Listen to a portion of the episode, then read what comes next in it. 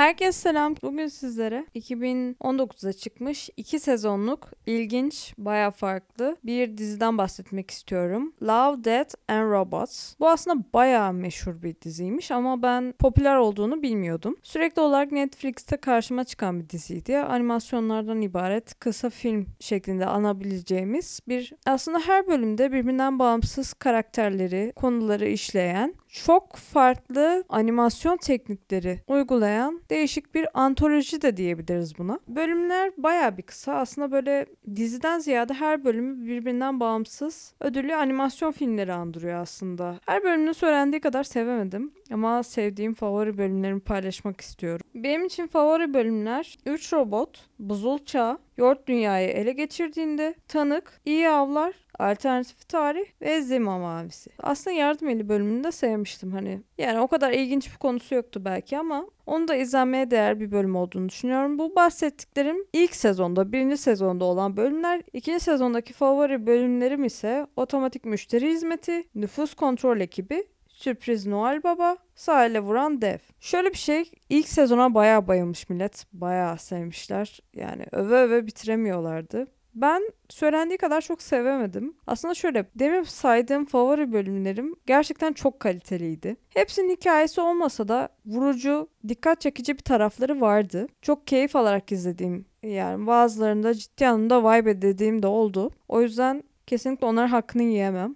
Ama geri kalan ki ilk sezonda sadece 18 bölüm var. Geri kalan bölümleri e işte o kadar sevemedim. Hikayeleri ilgimi çekmedi. Aslında bu diziye sürekli olarak Black Mirror'ın sanki animasyon versiyonuymuş gibi falan diyorlardı. Onunla kıyaslıyorlardı bu diziyi. Yani ben o kadar iddialı değilim. Evet. İlk izlediğimde ben de uyandırdığı izlenim kesinlikle Black Mirror'a çok benziyordu. Çünkü gelecek distopyalarından, robotlardan, teknolojinin ve bilimin bizi nerelere götürebileceğinden bahseden, genelde kaotik tahminlerde bulunan bir seri, dizi ya da antoloji ne derseniz deyin işte. O açıdan Black Mirror'a çok benzese de ben o kadar sevemedim ama izlediğim o favori bölümlerim gerçekten çok keyifliydi, eğlenceliydi. Kesinlikle bunları tavsiye ediyorum. Hani diziyi komple sevmeseniz bile en kötü benim söylediğim bölümlere bir göz atın bence.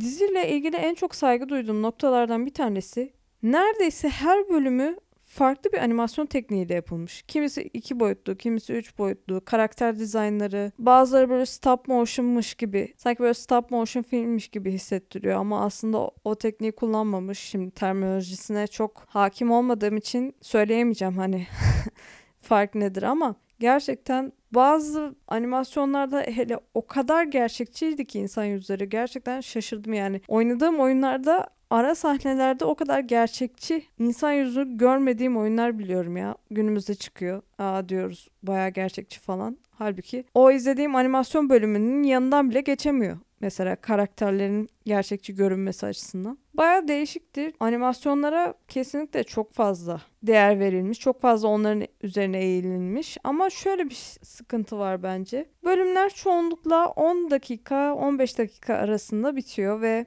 10 dakika çok kısa bir süre. Baya kısa bir süre. 10 dakikada tüm hikayeni, tüm derdini anlatıp bitirmeye çalışıyorsun sonuçta. Kolay değil yani. 10 dakikada sen nasıl bir hikaye anlatabilirsin? Ki 10 dakikanın aslında son 2 dakikası sadece credits ekranı. Yani 8 dakika falan sürüyor aslında bir bölüm. 10 dakika bile değil. Sen 8 dakikada ne anlatabilirsin ki? Yani çok fazla şey anlatan bölümleri vardı. Çok anlamlı bölümleri vardı ama her bölüm işte o kadar derinliğe sahip değildik. E, karakterlerin derinliğine inemiyorsun. Hikayesine inemiyorsun. Anlatmak istediğin mesajı yüzeysel bir şekilde verip çok fazla kafada soru işareti bıraktığı bölümleri de çok fazla oldu. Bölümlerin çoğunda aslında olaylar tam böyle açığa kavuşuyormuş gibi hissettiriyor ama en sonunda bir bakıyorsun Aa bölüm bitmiş. E diyorsun son ne oldu? Bu nereye vardı? Bazı bölümlerde aslında merak konusunu bizim tamamlamamızı beklemesi hoşuma gitti. Bazı bölümlerde keşke devamını da görebilseydik dedim. O yüzden hani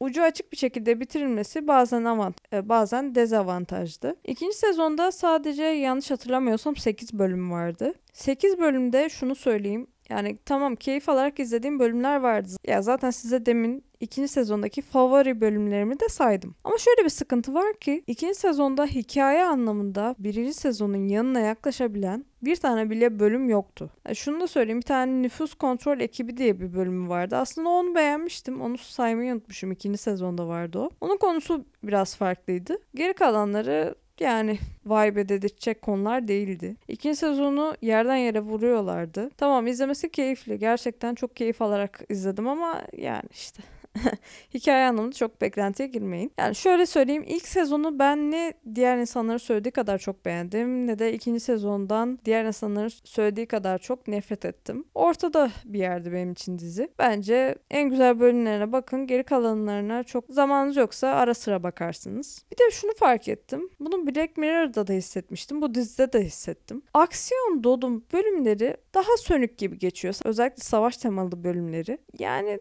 daha mı az ilgi çekici desem, daha mı sönük, daha mı geri planda bilmiyorum. O tarz bölümleri çok sevemedim. Aksiyon dolu bir iki bölümünü sevdim. Savaş temalı herhalde hiçbir bölüm sevemedim. Galiba bana hitap etmediği için bilmiyorum. Gizli Savaş diye bir bölümü vardı mesela. O bölümü bayağı seviyorlardı. Ben sevemedim mesela bilmiyorum.